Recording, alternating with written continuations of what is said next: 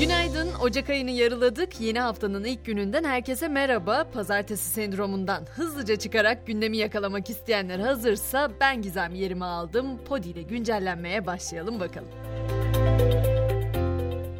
Hafta boyu konuşacağımız konuyla başlamak istiyorum. Biz onu Davos zirvesi olarak biliyoruz. Dünya Ekonomik Forumu'ndan bahsediyorum. Bugün İsviçre'nin Davos kasabasında başlıyor. 20 Ocak'a kadar da devam edecek. Zirve kapsamında 130 ülkeden 50'si devlet ve hükümet başkanı olmak üzere 2700'den fazla katılımcı bir araya gelecek. Bu yıl 53.sü düzenlenen zirvede peki gündem ne gizem derseniz iklim değişikliği, enflasyon, gıda güvenliği, açlık, terör ve Rusya-Ukrayna savaşı gibi birçok konu gündemde olacak. Davos'un da gündeminde olan o iklim değişikliği ile ilgili aslında ülkemizde de çokça konuşmamız gereken şeyler var. Mesela Ocak ayı geldi, havanın soğuması hatta kar yağışı olması bekleniyor. Ama Türkiye uzun süredir tam tersi bir durumla karşı karşıya. Birçok bölgede yağış yetersiz, üstelik havalarda soğumuyor.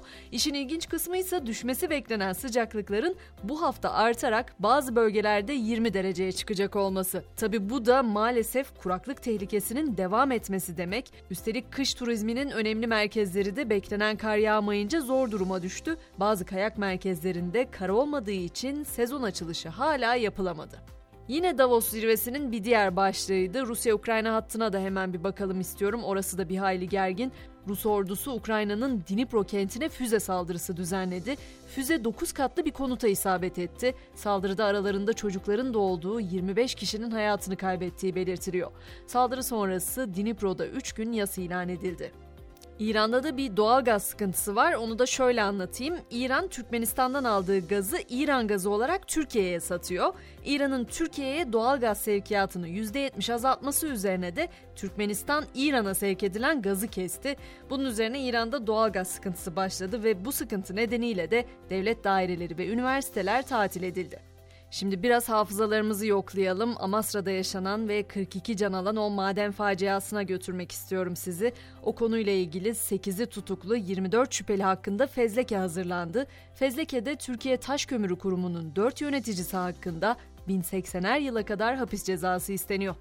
Bugün için bir de önemli hatırlatmam var. Orta gelirliye konut kampanyasında başvurular bugün başlıyor. Eğer şartlarınız uyuyorsa orta gelirlinin düşük faizle ev sahibi olmasını amaçlayan kampanyanın 81 ilde geçerli olacağını ve ilk etapta 100 bin konutun satışının planlandığını da hatırlatmış olayım.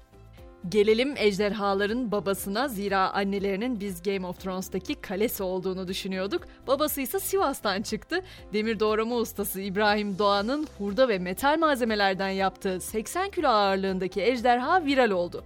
Üstelik bu ejderha ağzından alev de püskürtebiliyor. Eğer hala denk gelmediyseniz bugün gün içinde mutlaka bu videolara da denk geleceksinizdir. Artık biraz daha uzaklara Meksika'ya gidelim. Orada tütün ürünleriyle ilgili dünyanın en katı uygulaması başladı. Hükümet bar ve restoran gibi kapalı mekanlarda sigara kullanımını yasaklayan 2008 tarihli yasanın kapsamını sahiller ve parklar dahil tüm kamusal alanları kapsayacak şekilde genişletti. Ülkede bugünden itibaren tütün ürünlerinin tanıtımı, reklamı ve sponsorluğu da satış noktalarında dahi yasaklandı. Almanya'da gülmekten tamamlanamayan eylemden de söz edeyim size. Almanya'da köylülerin çevre eylemine müdahale etmek isteyen polisler çamura saplandı. Gülmekten gösteriyi tamamlayamadı eylemciler ve polisleri çamurun içinde bırakarak protestodan vazgeçti. Hala duymayanlarınız kaldıysa 2022 Kainat Güzelimizin seçildiği haberini de aktarayım. Kainat Güzellik Yarışması Amerika'nın New Orleans şehrinde düzenlendi. Tacı giyen isim yarışmaya ABD adına katılan 28 yaşındaki Arbani Gabriel oldu. Amerikalı bir anne ve Filipinli bir babadan doğan genç kadın Amerika'da bir güzellik yarışmasında birincilik kazanan ilk Asya kökenli Amerikalı olarak yarışma tarihine geçti. Spor dünyasına geçmeden önce eğer Mr. Robot dizisini izleyenleriniz varsa bu haberin biraz onu çağrıştırdığını düşünüyorum ben. Kuantum kıyameti tabirinden bahsedeceğim. Eğer hala duymadıysanız bu tabirin endişesi bu yılın başlarında Çinli araştırmacılar tarafından hazırlanan bir akademik makalenin bir kuantum bilgisayarın insanları ve kurumları çevrim içi olarak güvende tutan şifreleme yöntemlerini kırabileceğini öne sürmesiyle ortaya çıktı. Teknoloji uzmanları kuantum kıyameti olarak adlandırılan bu olayın devlet sırlarını ortaya çıkarabileceğini ve bankalardaki tüm birikimi silip süpürebileceği konusunda uyarıyor. Üstelik felaketin çok öyle bilim kurgu filmlerinde ya da dizilerinde olduğu gibi uzak bir tarihte değil, çok da yakın bir tarihte ortaya çıkabileceğini belirtiyorlar. Artık spor diyelim. Süper Lig'in 19. haftasında Fenerbahçe'nin Gaziantep'e konuk olduğu mücadele Sarı Lacivertlilerin 2-1 üstünlüğüyle tamamlandı. Bu sonucun ardından 19. haftayı Fenerbahçe 38 puanla ikinci sırada tamamladı. Noktalarken de bir gururun haberini aktarmak isterim. Biz biliyorsunuz buz pateni, buz hokeyi gibi buz üzerindeki sporlarda çok fazla başarı haberi vermeye alışık değiliz. Ama Avrupa Kısa Kulvar Sürat Pateni Şampiyonası'nda Furkan Akar 100 metre finalini 3. sırada bitirdi. Milli sporcu 100 metre finalinde elde ettiği dereceyle Avrupa üçüncüsü olarak Türkiye'ye bu alanda ilk madalyasını kazandırdı.